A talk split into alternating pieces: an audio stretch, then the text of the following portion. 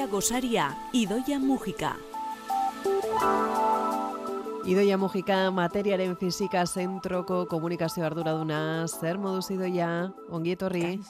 Eskerrik asko, zer moduzuek? Osongi, zurekin hitz egiteko preste beste, beste aste batez. Efemeride bat itiraka, hitz egin nahi diguzu gaurkan urtarrila nahi zuzen izpide izan genuen albiste baten inguruan. Entzun zenuten albistea, sonatze dizu eider. Bai, Bai, ez da, baina uste dut ez genula azaldu hemen behar dan bezala. Osea, ez, ez ginela sartu hor sakonean e, ba, hainbeste titular eman zituen albiste horretan, ez da? kontatuko diguzu, ze, ze albiste zen? Bai, beitu ba. Lurreko nuklearen inguruan, ez da? Bai, lurreko nuklearen inguruan e, inguruan e, publikatu zen artikulo zientifiko baten arira, ba, saltatu zuen prentxara eta horrelako titularrak ikusi genituen. Lurreko nuklea gelditu da.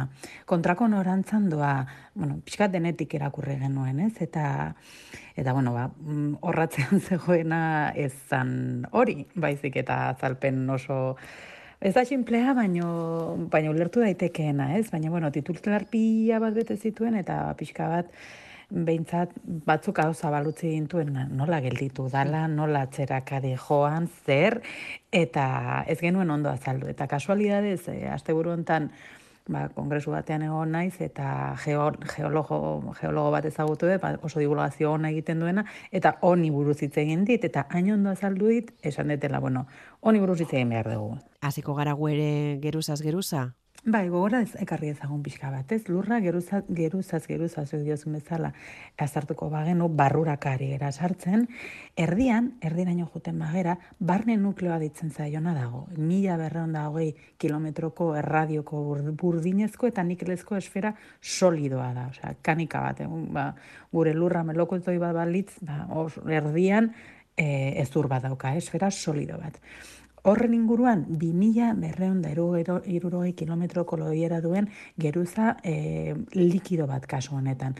Nukleoa, nukleoa deritzo ere, ze komposizioa berdin berdina daukate, eta nukleoa kontsideratzen dira, baina kasu honetan, ez da, ez da solidoa, aipatu dizuedan bezala, likidoa da, urtua dago.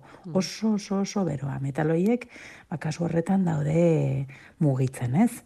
Geroa, geruza jarraiak horrenetako konbekzio mugimendua, konbekzio mugimendua dira, ba, ikusi dituzue noiz baitola berotu egiten danean airea, ura, udan batipat ikusten dezula ba, remolino batzuk Bai, bezala, bai. eh, bai, ga, gasa berotzen danean, hori konbekzioa da. Orduan geruza hori, esan duguna likidoa dana, mugitzen danez, errotazioarekin batera baina, ba, gure planetaren eremu magnetikoa sortzen du. Adibidez, nik hau, e, uste datu polita dala. Ze hor barruan gertatzen dana, sortzen du gure inguruan egotea babes magnetiko bat, eta adibidez horregatik ditugu aurora borealak, edo aurora australak. Eh, bueno, honek beste programa baterako gaia ematen du, baina jakin dezazuen ba, geologiaren atzean dagoen zientzia asko, ba, leku askotan e, daukala eragina, ez? Bale, nukleoaren, ja nukleotik aterako gera, eta haren inguruan 2000 bederatzireun kilometro inguruko loiera duen mantua aurkituko dugu.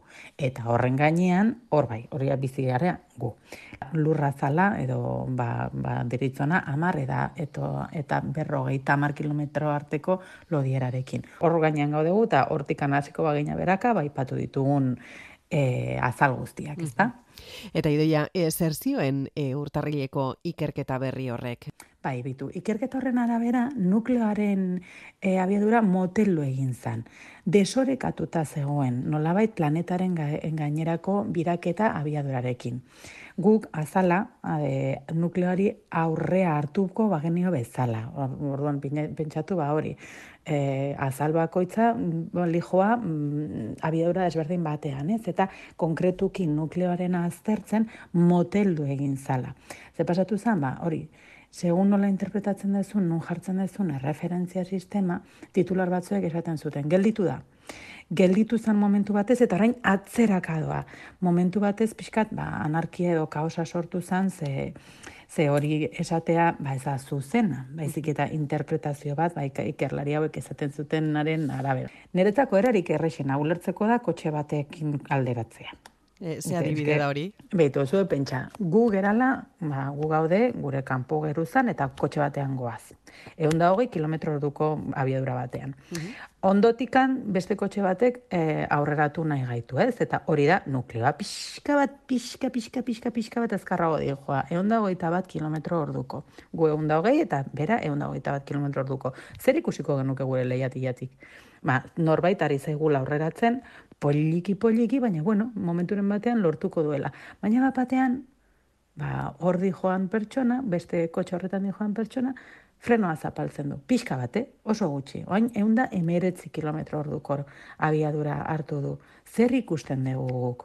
Momentu batez, e, e, frenoa zapaltzen duenean, justu egun da hogei kilometro orduko, baldin badi hau da, gure abiadura berdinean, lehiotik ikusten badegu, geldirik dagoela dirudi. Mhm zue pasatu zaizue noiz baita ba, hori, ba, igual familiarekin zoaztela oporretan eta ondotik pasatzen zaizula familiako kotxea eta segundu batzez gelditzen zera biak, hau ez egin behar, eh, karretera, baina bueno, biak gelditzen zeatela abiadura berdinean eta agur esaten diozut elkarri, bai? Eta, bueno, eta gero ja aurreratzen zaitu. Bueno, bakasu honetan, ondoko kotxorrek, hau da, nukleoak egin zuena, e, ikerketa honen arabera da, danak goaz norantza berdinean, danak aurreraka. Hasieran nukleoa pixka eta aurrera gozi joan, aurreratu behar gintuela, momentu batean parean jarri zan, hau da, geldirik zegoela zirudien, baina inorrez dago geldirik, biakoa zeun da hogei kilometro orduko.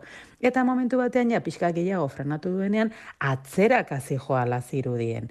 Horregatik sortu zen konfusioa. Ze, titular batzuek esaten zuten, e, nukleoak gelditu da, ezan gelditu, momentu batean, e, ba, gu mm, beste geruzen abiadura berdinean zijoan, eta gero beste batzuk esate zuten, atzeraka doa, ez zijoan atzeraka, karo, atzeran gelditzen da gurekiko, baita kotxean goazenean ere, frenatzen badezu, aurreratzen ari zerala, e, justu parean jartzen zera eta frenatzen badezu, gure ikuspegitik badirudi atzeraka zoa zela, baina zoaz atzeraka, danak aurrera goaz, baina bidadura desberdinetan. Orduan, ba hori izan zen pixka konfusioa eta ragatik sortu ziren titularroiek. Baina gertatu zen zen hori, ba, nukleoaren eta mantoaren arteko abiadurak desfasatu zirala. Baina berri, berriz diot, inungo momentuan ezan gelditu, Eta inungo momentuan ez duen norantza zaldatu, hori ere garrantzitsua da. Mm Ze pentsa bestela, ba, lehen aipatu dugun ere magnetikoaren gainean ze ondorioki ditzazkeen.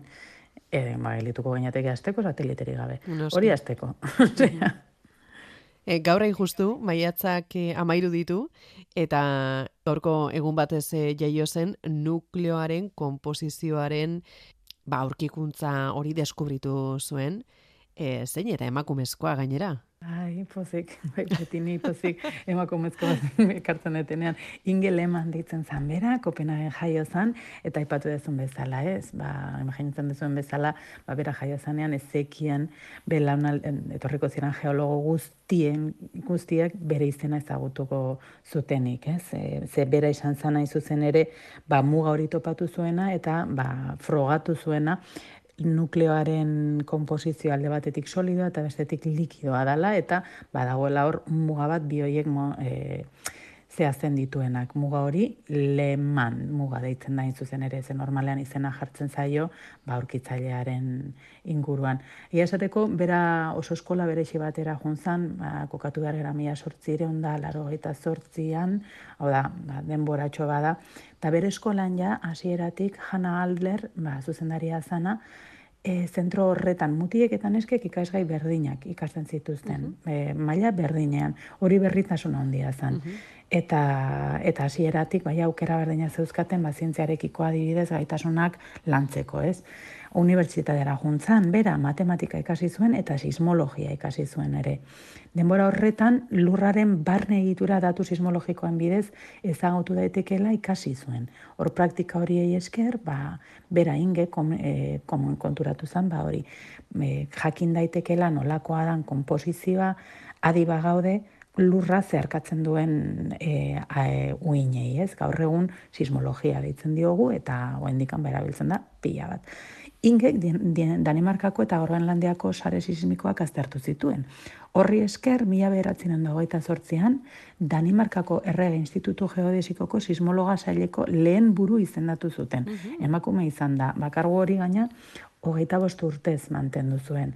Beraz, oso pertsona, ba, zorteko izan zen emakume bezala, ze aitorpena ja, ezagutu bai. izan zuen. Mhm. Bai, bai, bai, bai. Ingeren mundua deitu, deitu dezakegu, ze mila eratzire onda iruro gaita amaseian, berak publikatu zuen paperean P izeneko dokumentu bat, ba, justu P mota, ni ez gara oso sakonean sartuko, baina mota, uin mota ezberdina daude, eta P uin sismiko primarioen mugimendua e, atzeman interpretatzen zituen lurreko nukleoa zeharkatzean. Hoiek ikusi zuen, ba, material, uin mota hoiek normalean, material motatan zehar bidaiatzen, bidaiatu dezakete, abiadura aldatu zori bai, ba, segun ze zeharkatzen duten, abiadura handiagoa da txikiagoa hartzen dute, ba, itxasoko latuak bezala, azkenean bidaiatzen doaz, baina zerbetekin talka egiten badute, ba, e, puskatu egiten dira, motelo egiten dira, aldatu egiten dira, ez, uinak, uinak dira. E, ba, bera izan zen lehena aurkitzen, modu nahiko zakarrean bizkortzen zirela lurraren nukleoaren kanpoko aldetik barruko zatira pasatzean. Hori azaltzeko era, ba, solido baten kontra egin zutela e, izan ziteken eta horrela zala frogatu zuen. Beraz, ba, berak topatu zuen aipatu egun bezala muga hori eta berari esker dakigu ba, nukleoa ez dela unitate huts bat, baizik eta bi fase hori dauzkala likidoa eta solidoa. Eta horregatu dizuedan bezala, ba, berari esker ere azaldu egin izan daiteke, zergatik daukagun ere magnetikoa eta zer ba, beste hainbat fenomeno geologiko, ez? Bide batez hemendikan ba musu bat eta besarkada bat geologo guztiei ze badirudi askotan zientziaren mundutik ba ezaiela aitortzen zientzia bat irala eta neri ba, asko gustatzen zait geologia eta eta bueno, ezekit ikusten dezuten Big Bang teori seria, baina ba, bertan asartzen diran fizikariak, fizikari hutsak diranak, eta ingeniariak, eta bar, bizkat parre egiten diete geologoei, ez? Ba, esan ez, beraiena ez ala zintzea bat, eta e, bon, izango ez da, ba. Baina bentsatzen gauza polita, ez? Ikusi gabe edo inoiz e, sartu gabe jakitea puntu horretaraino nolakoa dan gure lurra barrutik, ez? Eta gara joietan, ba, mila beratzen dago, eta maseitik, mm. dakigu hau. Bueno, aipatu dizuet ere, aitorpen euki zuen ezagutu zuen bere bizitzan, adibidez William Bowie domina eman zioten mila beratzen da irurogeita maikean, eta hori da, ba, agian aipagarriena, ze Amerikako batasun geofizikoak ematen du, eta bere izan lehenengo emakumea lortzen, eta baita ere bere, bere izenean ematen da, e, en, bueno, bai, ingeleman domina deitzen zaiona, ez? Mila beratzen da, laro eta mazazpitik eta bueno, ba, Amerikan geofisika batasunak ematen du, baina ez du ematen urtero, baizik eta benetan zerbait aipagarria dagoenean lurraren, mantuaren eta nuklearen egitura osaera eta dinamika ulertzeko ekarpen bikainak. E, gora ipatzen ditu. Hau da, justu ingeren ba, zientzia izan zana, ez? edo bere esparroa izan zana horrelako zerbait aipagarria gertatzen denean, orduan ematen da saria. Ez urtero, ez bi urtero. Ba, datu bat, ba, zoritxarrez, orain arteko amabi dunen artean, emakume bakarra dagoela. Baina, bueno, inge gaixoak ez daki ez dauka horren, horren ardurarik, ez?